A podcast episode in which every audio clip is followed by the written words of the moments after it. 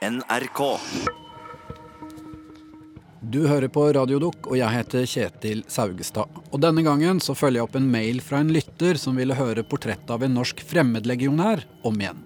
Det har ikke vært tilgjengelig som podkast før, og for meg var dette en ekstra fin henvendelse. For jeg har bilde av Arvid Gulbekk Obolenskij hengende på oppslagstavla foran PC-en. Jeg møtte Arvid for over ti år siden, men fremdeles så tenker jeg på han og den fantastiske livshistorien hans hver gang jeg løfter blikket. Her er Fremmedlegionær i krig og kjærlighet.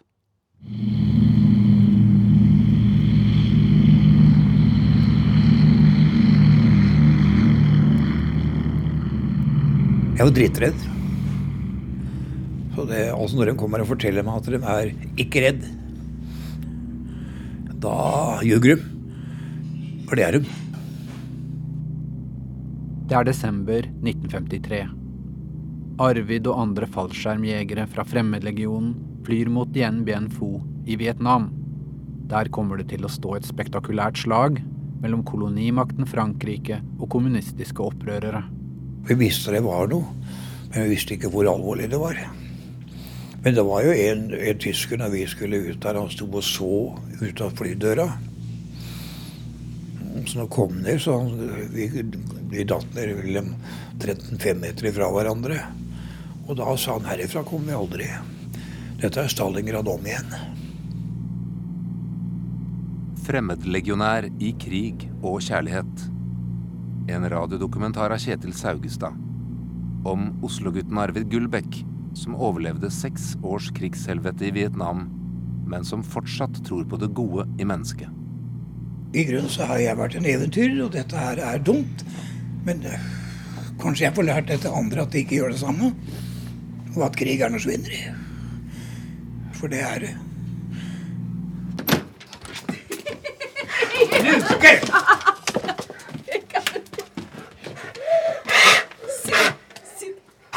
Kom igjen, du, Luke. En liten villa fra 30-tallet, kledd med slitte eternittplater. Arvid har kjøpt billig hus i Sør-Sverige sammen med kona Valentina. Hans livs andre store kjærlighet. I huset bor også kjæledyret Luke. Sett deg pent. Så. Fy skalle. En gang var Arvid en av de beste til å løpe i Fremmedlegionen. Nå er han 78 år gammel, har ødelagte lunger og sitter for det meste i rullestol. Så jeg sier det er røyken. Det er røyken som er hovedgrunn til at jeg sitter i rullestol. Det er ikke noe annet. Så det Det var vel i Cao Bang. Ja. Altså i Tonking. Jeg begynte å røyke. Jeg var jo så nervøs vet og så redd. vet du. Jeg var drittredd. vet du. Det er normalt når du smeller omkring deg. Og da var det en tysker som kjørte en sigarett i kjeften på meg. Og så sa han at jeg skulle røyke, og jeg røyka og spøy. og da glemte du å være redd. Da kom du til deg sjøl igjen. Da var det over. Men da var også jeg begynt å røyke. For da trodde jeg liksom det tok skrekken. da. Så det Men det var jo redd siden òg.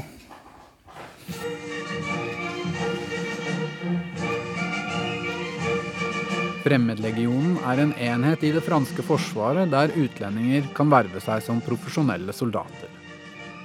Men det er mange myter om blodig heltemot og kadaverdisiplin. Legionen har lokket til seg folk på flukt, hardhauser og eventyrere.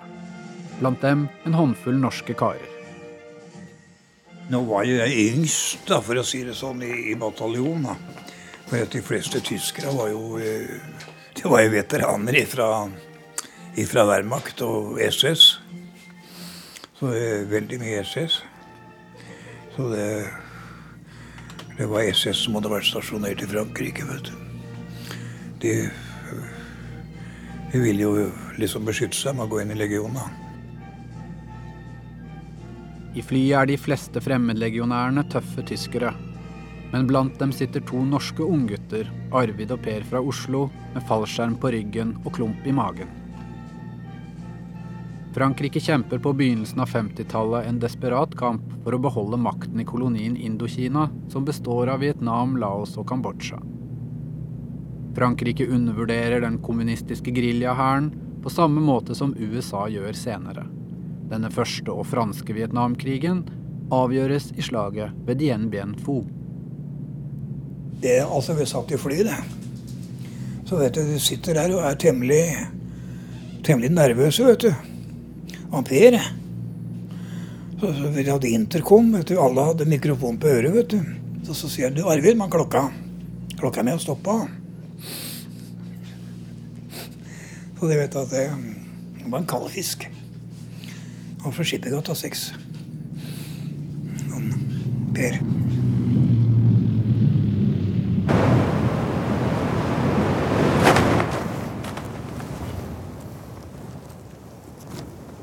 De hopper utover Dien Phu, som er en skålformet dal omgitt av uframkommelige fjell. Dalbunnen er ei høyslette med små og store åser, en elv og rismarker. Planen er å bygge en uinntakelig festning. Hvis franskmennene klarer å lokke den kommunistiske opprørshæren Viet Minh ut av jungelen og inn i et ordinært slag der, da kan fienden knuses, tror generalene. De sa det var for å beskytte veien til Laos, og det er bare tull. Veien gikk riktignok mellom Hanoi og Laos. Det gikk, det gjorde det, men, men uh, å legge et fort inn i søla på det, nei, det er bare tull. Også det kan jeg selv si. Jeg ser som ikke er fagmann. Det kommer med kaffe. Og en for meg. Ja, ja. Og kaffe jeg skal drikke. Moren vasket hus for rikfolk og slet alene med tre barn da Arvid ble født utenfor ekteskap.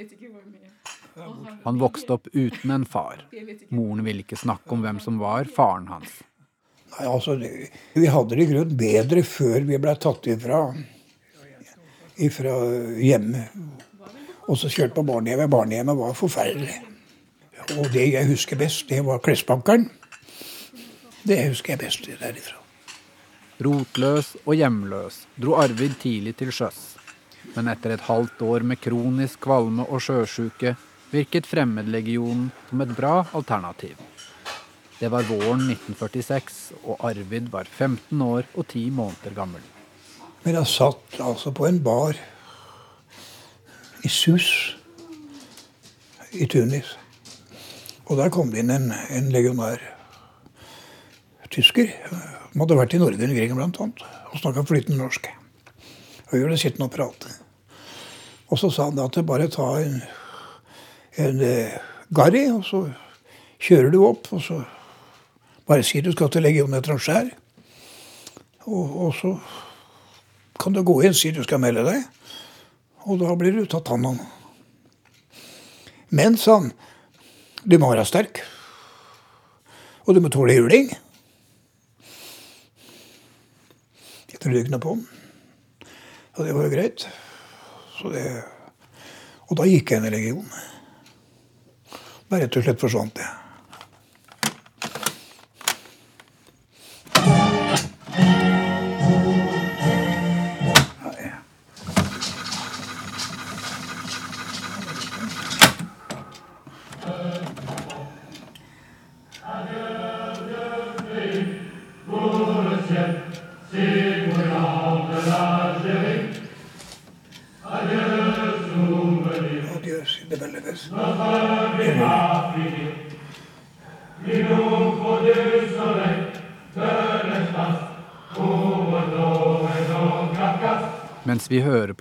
Fra Legionen, så viser Arvid fram visittkortet han fikk laget for et par år siden.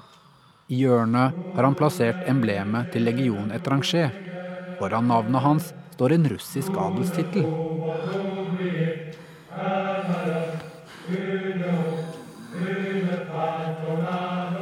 Adjø, gamle Europa.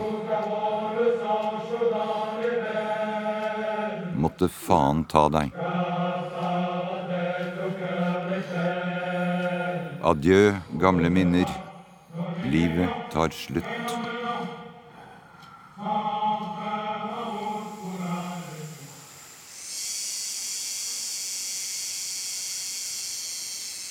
Dien Ben Phu ligger helt avsides langt nordvest i Vietnam, omgitt av endeløs jungel. Alt må flys inn. Det er mange artige historier, vet du. Blant annet når de slapp ned bulldosere for å lage flyplassen. Så beregna de vekta feil vet du, på den første. Men den forsvant jo sjøl da, vet du. Den kom jo ned som et skudd, vet du. Og du vet, da var det en tusen mann som klappa igjen. Så det, det flyet bare snudde og gikk tilbake igjen. Den fikk flere skjermer på neste. På kort tid bygger franskmennene ulike fort og befestninger i dalen. De får navn som Anne Marie, Claudine og Dominique. Alle disse forta hadde kvinnfolknavn. Det var, det var fransk. Øverstkommanderende general de Castri er av den gamle skolen, med tro på vestlig overlegenhet. Altså en sånn jålebukk. Jeg vet ikke hvorfor vi ikke likte den fra børjan av. Men altså vi oppdaga det at det var jo Han var rett og slett en jålebukk. Og det ble ikke akseptert av legion, det, for det var ikke vi vant til. Vi var ikke vant til at befalet var jålete. For det, de kunne ligge ved siden av lademaskingeværet lade maskingeværet ditt. Så det, men det kunne han aldri tenke seg. Han kunne bli møkkete på knea, vet du. Oi. Han, han, når han ble tatt til fange, så, så marsjerte han ut med press i buksa og rød kepi. Ikke en flekk. Før Arvid ble kampklar soldat, måtte han gjennom Fremmedlegionens beryktede rekruttskole. Nei, du, Den orker jeg nesten ikke tenke på. Jeg var sliten bare på tanken. For den var beinhard. Gjorde du feil der, så var det ned og gjøre armhevinger. Minste ting så ble du straffa for på rekruttskolen. Det var, skulle ikke noe til. Og, så, og det, vet du, verste var jo språket, vet du. Jeg skjønte jo ikke bæra, vet du. Men du lærte. Men altså så blei det jo det samholdet, da. Det begynte jo på rekruttskolen. Og samholdet. For du vet at du, du må ikke finne på å komme i krangel med en, en en legionær nede i Marseille. Du kan bli slått for derfor. Og da er det ti mann på deg med en gang. Arvid hadde vokst opp uten å vite hvem som var faren hans, men han hadde hørt visse rykter om en utenlandsk offiser som hadde bodd en periode i Norge. Det var ikke så mange som hadde vært eh, som mor hadde stelt huset for, altså. Og det var ikke For hun hadde jo vært der og, og vaska hos dem en gang i uka eller noe sånt. Nå. En dag etter rekruttskolen sto Arvid brått ansikt til ansikt med offiseren han hadde hørt rykter om. En oberst som skulle inspisere kompaniet hans. Du hadde mistanke, ikke sant? Du var ikke sikker? Arvid tok ikke kontakt. Ikke ennå. For det første så var han offiser, ikke sant? Høy offiser. Nei, det var best å gå på gummisåler. Så det var som å stå på rad for en annen oberst. Altså. Han inspiserte, så, så var det som å stå og se en annen i øya. For at han kom jo gående vet du, gjennom mellom linjene, vet du. I 1948 var Arvid blitt ørkensoldat i Nord-Afrika, mens konflikten i fransk Indokina ble stadig sterkere. Altså, jeg kunne ha fortsatt å være jazzeri. Jeg var jo kamelrytter, sahariener. Jeg sier dem er de fineste uniformene som er. Nå har jeg sånn lang kappe, vet du. Men du vet at det går an å være tjukk i huet. Og det var jo til gangs for at de avanterte etter folk som ville melde seg frivillig til fallskjermstyrkene. Som skulle opprettes i legionen. Så jeg, så jeg meldte meg til fallskjermstyrkene. Og da ble jeg sendt ifra Alseriet nedover.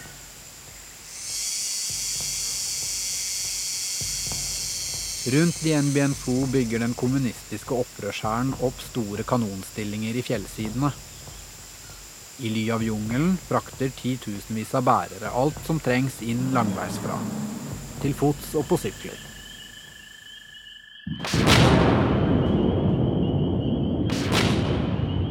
Ved fullmåne den 13. mars angriper vi et min Forte Beatrice. Altså, I grunnen så tror jeg ikke vi skjønte hva som virkelig hendte til å begynne med.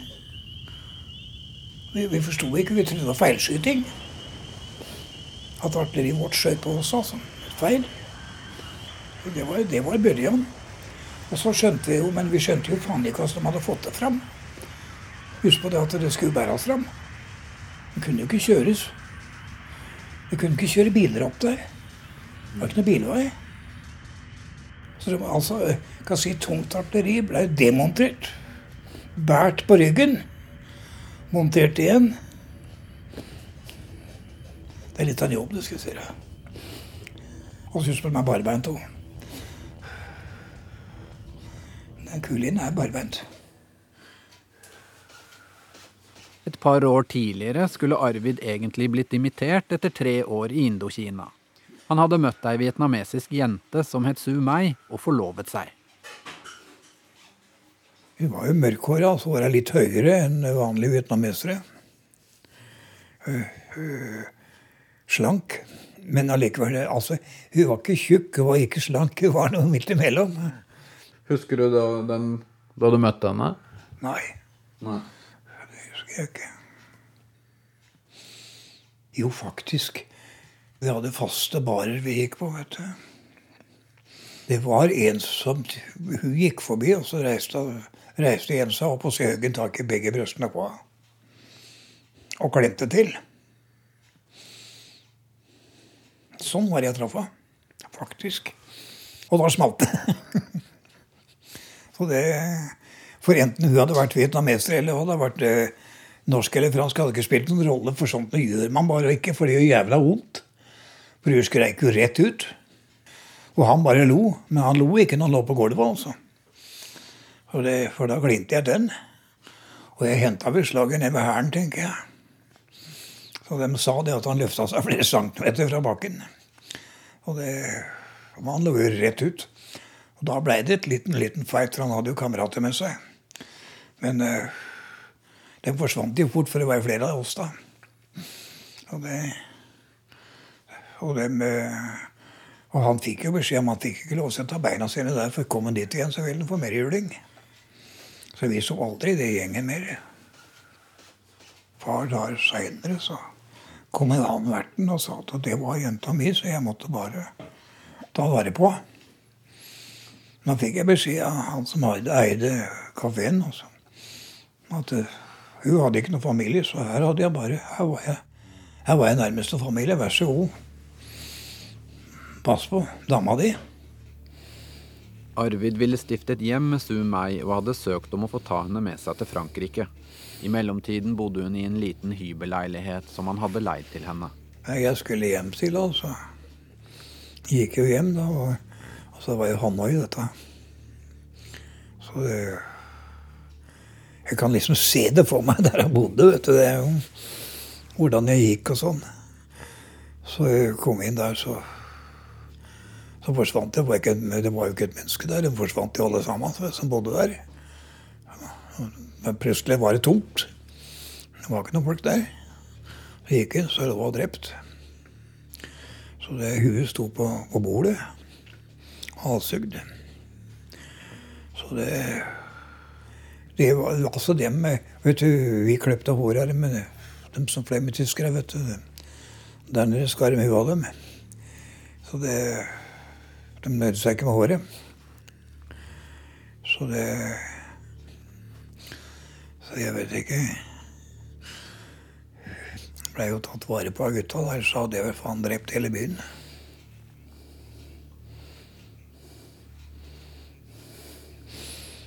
Jeg hadde jo bilde av, men det har vi fjerna pga. kona.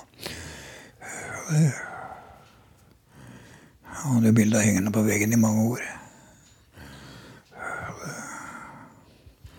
Tenker ikke på det.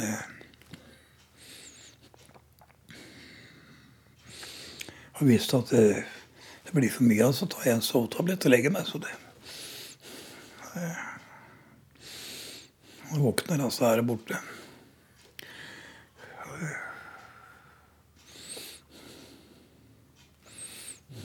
Nå er jeg sliten, Kjetil.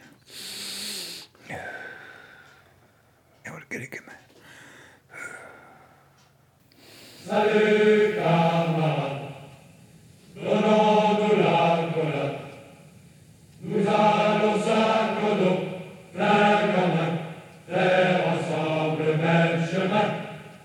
kan ikke glemme sorgen, skammen, kvinnen vi elsket. Vi reiser alle samme vei, mot ørken.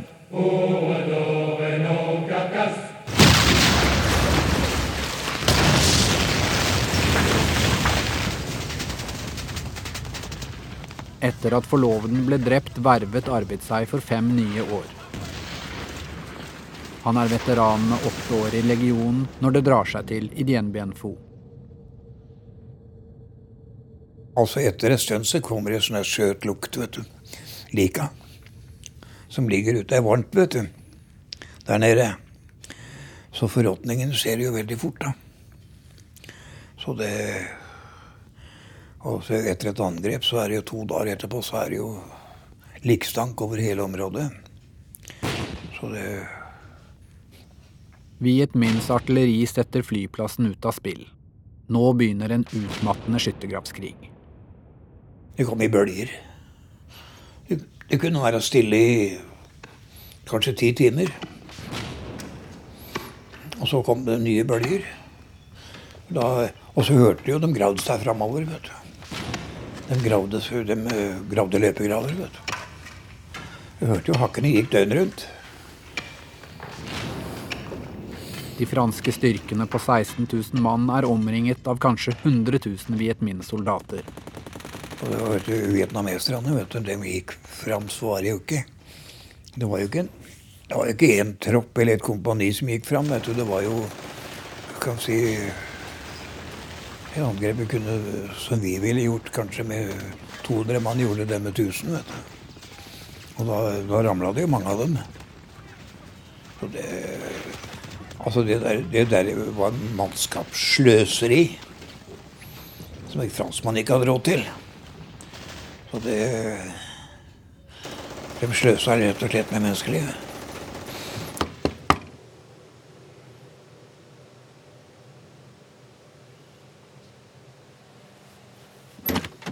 Hallo? God dagen. Hei. Arvid har hatt mareritt siden vi snakket sammen dagen før. Jeg sov, vet du. Så fikk jeg mareritt. Times etter at jeg hadde lagt meg. Da skal jeg huske liksom eh, området. Så jeg var faktisk alt i krig, altså. Jeg husker Jeg liksom så det foran meg. Så det Og så eh, masse døde lå rundt omkring. Jeg våkna, og da lå jeg og grein. Så det, og det er Og da var jo hun på beina med en gang. Og vi satt og prata litt. Hun lagde kakao. Det betyr vi sover ikke. Vi snakker, vi drikker eh, kakao. Ja. Ja. Og så, så kommer jeg med en klut og får vaska meg svetten. Så det Og da jeg Jeg sover etterpå. Jeg sa hva skal du gjøre nå? Spille kort på natta? Arvid har krigsmareritt. Vi skal ikke sove. Vi slår på lyset, vi forteller, vi diskuterer. Og så er marerittet borte.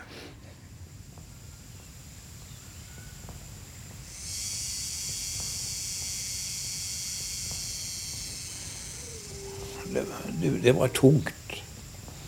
Det var tungt. Hvis jeg hørte husker når Per datt så Han var fra Skippergata. Han falt jo ikke så langt ifra meg, da. Det var vel en 10-15 meter bare. Jeg lå jo og ropte på han, han svarte ikke. Han skulle gå og hente vann. Vi hadde disse gamle mitraljøsene. vet. Jeg kunne ikke akkurat gå pisse på dem hver gang. Så var vannavkjølt. det. Jeg Gå og hente noe vann og ha på den, og så kom det ikke igjen. da. Mannen falt. Jeg stakk de huet opp, så var det borte, vet du. Det var en rabagast. Kjekkar. Men litt sånn, litt sånn villmann. Så Og det var vel derfor han døde også, da. For han var jo Han skydde jo ingenting. Etter Pers død utvikler slaget seg videre mot det uunngåelige nederlaget. Situasjonen skal bli verre og verre. Det var tungt. Men altså, jeg har studert på hvorfor. Hvorfor lager de krig? Franskmann måtte da vite det at de, de kunne ikke greie å holde Vietnam. Det var en umulighet. Det måtte da for fader vite det på forhånd. Jeg sier at det er maktsyke folk som lager krig. Det er ikke noe annet. Men Arvid tok med seg noe viktig fra skyttergravene. Det var legionær ånd. Det å hjelpe folk. Du var tatt med deg fra legion. Alltid. Det er legionær ånd å hjelpe andre. Kaffe. Kan du trille den? Vær så god. Ja, kaffe først. Da Arvid senere vendte tilbake til Norge, var det julaften 1954. Han måtte til pantelåneren med medaljene for å ha noen kroner i lomma. Han hadde ingen far, og resten av familien hadde han ikke snakket med på åtte år. Arvid levde et omskiftelig liv som fisker og sjåfør, før han fikk jobb som portør på Ullevål sykehus. Etter hvert ble han en internasjonalt anerkjent hjelpearbeider. Jeg kommer jo fra Indokina og så jo at de hadde jo ikke noe. Og der sto jeg og vassa i utstyr som ble kasta. Noe måtte kunne gjøres. Og så begynte jeg å samle, men jeg visste ikke hvor jeg skulle sende det hen. Jeg hadde ikke peiling. Med Arvid i spissen ble det samlet inn kassert, men fullt brukbart norsk sykehusutstyr for hundrevis av millioner kroner, som over mange år ble sendt til ulike katastrofeområder rundt omkring i verden. Den tida med hjelpearbeidet det er tid i mitt liv. Om du skjønner hva jeg mener. Det er det som liksom eh, jeg skal være glad for at jeg har eh, opplevd. Og kunne hjelpe til. For at eh, jeg hadde det ikke noe særlig godt som barn. Og jeg tror det har en viss innflytelse på at jeg ser fortere at folk ikke har det godt. Det ble særlig mange turer med hjelpeutstyr etter atomkatastrofen i Tsjernobyl i 1986. Det finnes jo ikke en seng der i, på barnesykehuset i Kiev som ikke er fra Norge. Hele, hele barnesykehuset. Og det er jo sykehus som er eh, bygd pga. radioaktivitet. Det, de unga som lå der når jeg var der, de er vel døde alle sammen, regner jeg med. For det var jo stråleskadde unger. De var født uten armer og bein. og når jeg var i, i Kiev første gangen, så eksploderte jeg pga. det at det kom en norsk journalist, kvinne, ut ifra det sykehuset. Og så sier han at jeg fikk tatt to filmer. To filmer av barn som var skodd av stråling. Og hvordan kunne hun si det så muntert? Ei dame. Hun fikk så øra flagra, altså. Jeg ble så sinnssyk. Men hun, hun var helt urygga, vet du. Ja, så jeg regna med at folk ikke skulle forstå deg, sa jeg. Men du skulle faen ikke ha lov til å være journalist i det hele tatt. Du eier jo ikke følelser. Du skjønner jo ikke hva du driver med. Og så sa jeg ser jeg deg en gang til her, så skal jeg hjelpe deg hjem igjen. Og såpass makt har jeg, så jeg så du er klar over det. Jeg står jævlig godt her borte. Og hvem er du? Så dere raker deg ikke, sa jeg, men vær litt forsiktig heretter.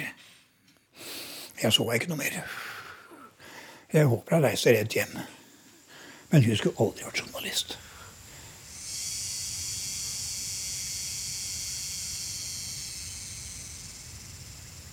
I Dien Bien Phu gjør monsunregnet dalen til et gjørmehull. Uten flyplass kan ikke de sårede lenger fraktes ut. Det er mangel på alle forsyninger. Jeg husker at jeg var sulten. Det er det som plaga mest. Sulten og tørst. Så det er Og så var det jo det var jo slutt på vin, da. Jeg hadde jo vin. Etter franskmann skal jo ha vin. vet du. For vann var jo vann var det som var fra plunder med. Det måtte jo kokes og klores. Overmakten er til slutt for stor. 7. mai 1954 strømmer Viet Minh inn fra alle kanter etter 57 dagers intens kamp. Da ligger Arvid i en skyttergrav et sted mellom fortene Elian og Iget. Det, altså når vi ble tatt til fange, da så sto det jo plutselig en over med maskingevær, og sa de at vel, vel, du er tatt til fange av de, av de vietnamesiske styrker. Og Ho Chi Minh har sagt vi skal behandle dere skikkelig. Ferdig med det. Men slik blir det ikke. Franskmennene har mistet over 2000 mann i slaget. Viet Minh kanskje opp mot åtte ganger så mange. Arvid er en av 11 000 krigsfanger. Nå starter en grusom marsj mot ekstreme leire i nord. De neste månedene skal to av tre franske fanger dø. Så det var onkel Ho, det. Jeg slår på lyset. Det så mørkt i dag. På en av de mange turene med hjelpesendinger til Tsjernobyl tok Arvid inn på et billig hotell i nabobyen. Der ble han kjent med en ung kvinne, Valentina. Jeg husker jeg møtte henne første gangen. Ja. Ja, men jeg husker ryggen på. jeg kom ut fra rommet på hotellet, og så sto han med ryggen mot meg og snakka med mora di. Ah, Ja. Og så gikk jeg ut på gata, så kjøpte jeg nellik. nei, Rose. Roser. Og så ga Sånn ble de kjent. Det var i 1991, men det tok lang tid før Valentina kom til Norge. Jeg kom på besøk og reiste ikke tilbake. jeg kom på besøk. Og Valentina kom. Nei! Valentina kom. Nei! I løpet av ti år. Valentina kom til Norge. Nei! Nei, nei. Kom. Han maste lenge, da. Ti år. Ti år. Ja, først jeg svarte Arvid, du er så gammel. Da vi møtes. Han var 60, jeg var 30. Jeg Selvfølgelig jeg lo. Men det går allikevel. Ja, dette det passer. Nå passer. Nå er vi gamle begge to. Ikke sant? Du er ikke så gammel. Du blir ikke eldre, du. Ja. ja. Men altså, vi har det jo såpass bra, altså. Iallfall jeg. Da Arvid var godt over 50 år gammel, fikk han svar på spørsmålet som hadde plaget ham hele livet. Hvem var faren hans? Først da ville moren fortelle. Jeg skulle et sted, og da, da var hun dårlig. Hun lå på Aker. Og så, så sa hun at jeg vil gjerne snakke med Arvid aleine.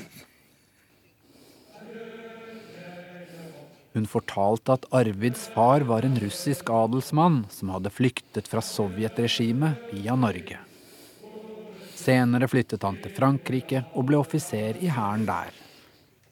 Det var altså faren sin Arvid hadde sett mange år tidligere, obersten i Fremmedlegionen. Med hjelp av den franske ambassaden fikk Arvid kontakt med oberst Obolenskij via brev og telefon. Sa han visste ikke om det. Jeg eide ikke peiling. Så det, var, det beklagde han. At han ikke visste det. Han innrømmer det iallfall. Så det, det var sånn jeg tenkte. Det er iallfall ikke tull. Så det Og så jeg skrev jo at jeg hadde vært i legion. Så det Og jeg skrev også at det, han hadde stått inspisert oss en gang i Jeg husker ikke årstallet. Litt, litt pussig at du Ja, Det var så nære. ja, det var så nære og likevel så langt ifra.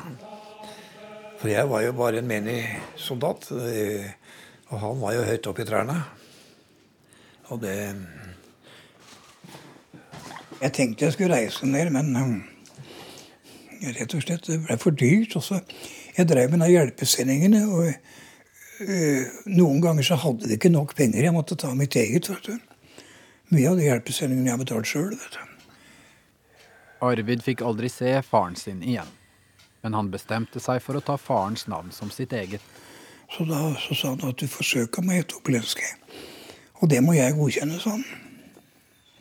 Så det er godkjent. Med nytt navn i passet kunne Arvid titulere seg Knes Obolenskij. Han var blitt en russisk fyrste, i slekt med tsarfamilien. Ja, øh, det, egentlig det er det en av linje av tsarfamilie. Ja, veldig kjent det navn. Valentina søker opp Obolenskij på internett. Hele tre. Hele familie tre. Det, Nik den Nikolai. Det er hans farfar. Ja, det, det er Nikolai Leonidovitsj. Hans far. Han ble født i Astrakan. På invitasjonene de jevnlig får fra den franske ambassaden, står det fyrst Arvid og madame Valentina. det er moro! Et madame. Ja, er det skrevet på fransk. Obolenske et madame. Men jeg sa ja, ja, jeg er madame, men ingen tørket stoff i stedet for meg. En tørket stoff selv. Ja. Det er litt rart å finne ut i godt voksen alder at man er sønn av en eh, russisk adelsmann. Tenkte ikke over det. Det betydde liksom ikke noe. Det er faktisk alt din egen oppførsel som betyr noe. Så en som er født i, i Vaterland, kan eh, være mye bedre enn han som er født bak Slottet.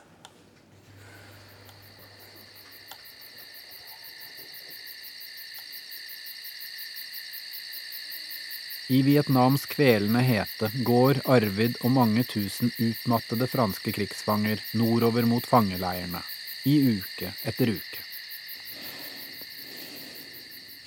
Det er litt jævlig å tenke på. For det var jo noen som datt og aldri kom opp igjen. da. For det var jævla slitsomt, vet du. Hvis de ikke greide det, så ble de bare skutt ned.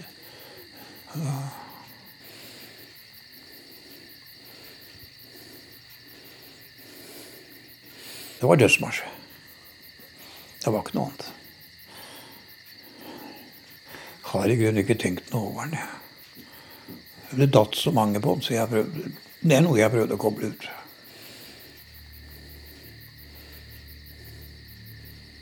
Når de endelig kommer til fangeleiren, fortsetter den daglige kampen for å overleve. Det er knallharde forhold med straffarbeid, sykdom og sult. Vi lærte jo fort vet du, at det var mat i trærne. vet du. Noe som vi kalte for eh, eh, palmerotter. De ligna jo ei kjempesvær rotte, da. Men De levde jo toppen på palmene, men de kunne ikke hoppe fra palme til palme. De måtte ned på bakken. Og så satte vi oss ned ved et tre hvor det var en oppe, da, og, så, og venta på den. Når han kom ned, så var det bare knakken. Og det, vi flådde dem ikke, vet du. Vi bare åpna dem og tok ut innhvalen og stekte dem på spinn. Så det brente håret av dem.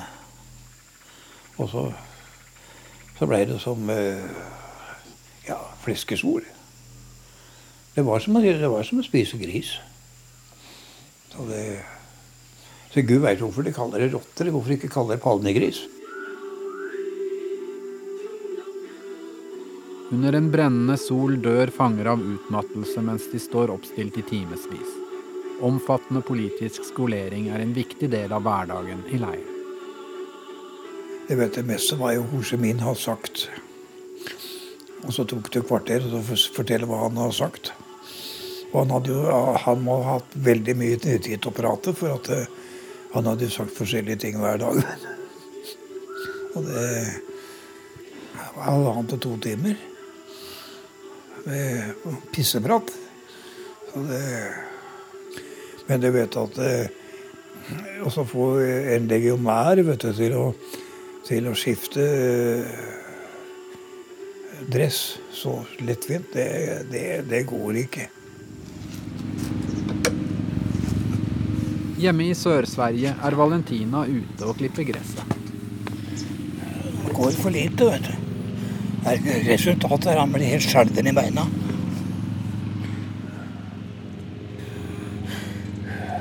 Det er idyllisk område. Ja visst er det det. Så fin hav her, vet du. Jeg tenkte vi skulle frese opp litt der og sette jordbær og sånn. Jeg har jo jordfreser. Men jeg orker ikke kjøre den sjøl. Vi har jo et normalt hjem. Jeg har jo aldri hatt det. Jeg har jo ikke hatt et normalt hjem. Vet du, Men hun er jo helt spesiell, da. Hun er det.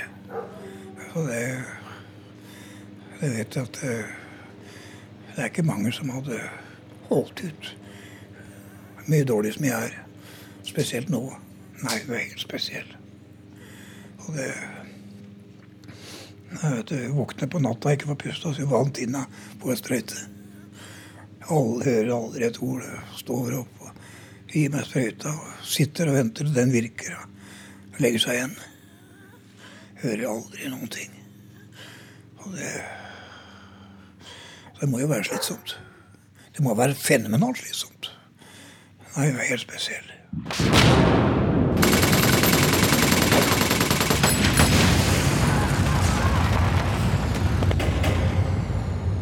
Etter det franske nederlaget ved Dien Bien Phu opprettes et kommunistisk Nord-Vietnam og et Sør-Vietnam under vestlig innflytelse. Av de totalt 11 000 franske fangene er Arvid blant de drøyt 3000 som vender hjem i live etter fire måneders fangenskap. Vi var jo eh, mer eller mindre utsulta. Så jeg veide jo ikke mer enn 49 kilo når jeg kom derifra. Vet. Så det, det var jo ikke mye fett på kroppen. Og så var jeg jo sjuk. Og, og de fleste der var jo, var jo sjuke. Det var dysenteri på de fleste.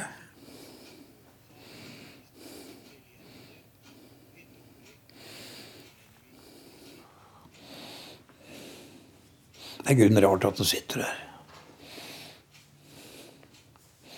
Når du tenker over det, så er det litt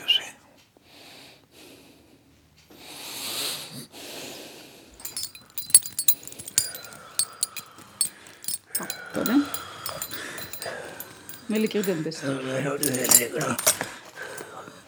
Medalje Combat. Medalje Combatant det er Indokina. Indokina-medaljen. Medalje militær. Gros de Guerre. Ordre de mérite France. Medalje Blesse Grand Guerre.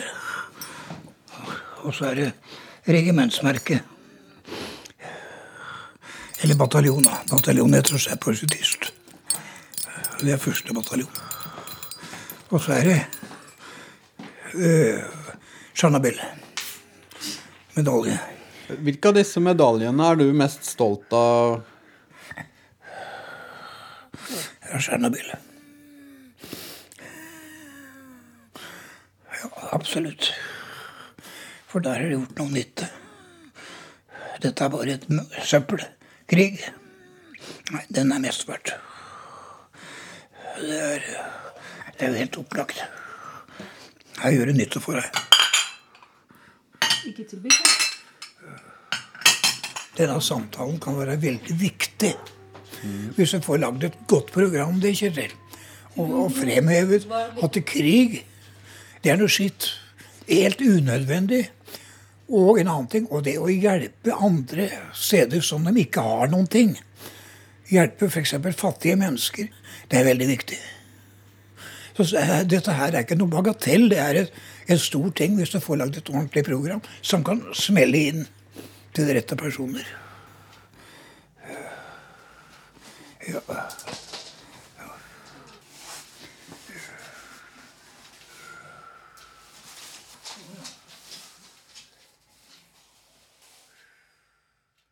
Du har hørt 'Fremmedlegionær i krig og kjærlighet', et program fra Arkivet, men for første gang på podkast. Og det er det jeg som har laget, som heter Kjetil Saugestad, med hjelp av lyddesigner Geir Hauger og konsulent Berit Hedemann. Har du ønsker om program du vil skal komme ut på podkast, så send gjerne en e-post på radiodok.krøllalfa.nrk.no. krøllalfa NRK.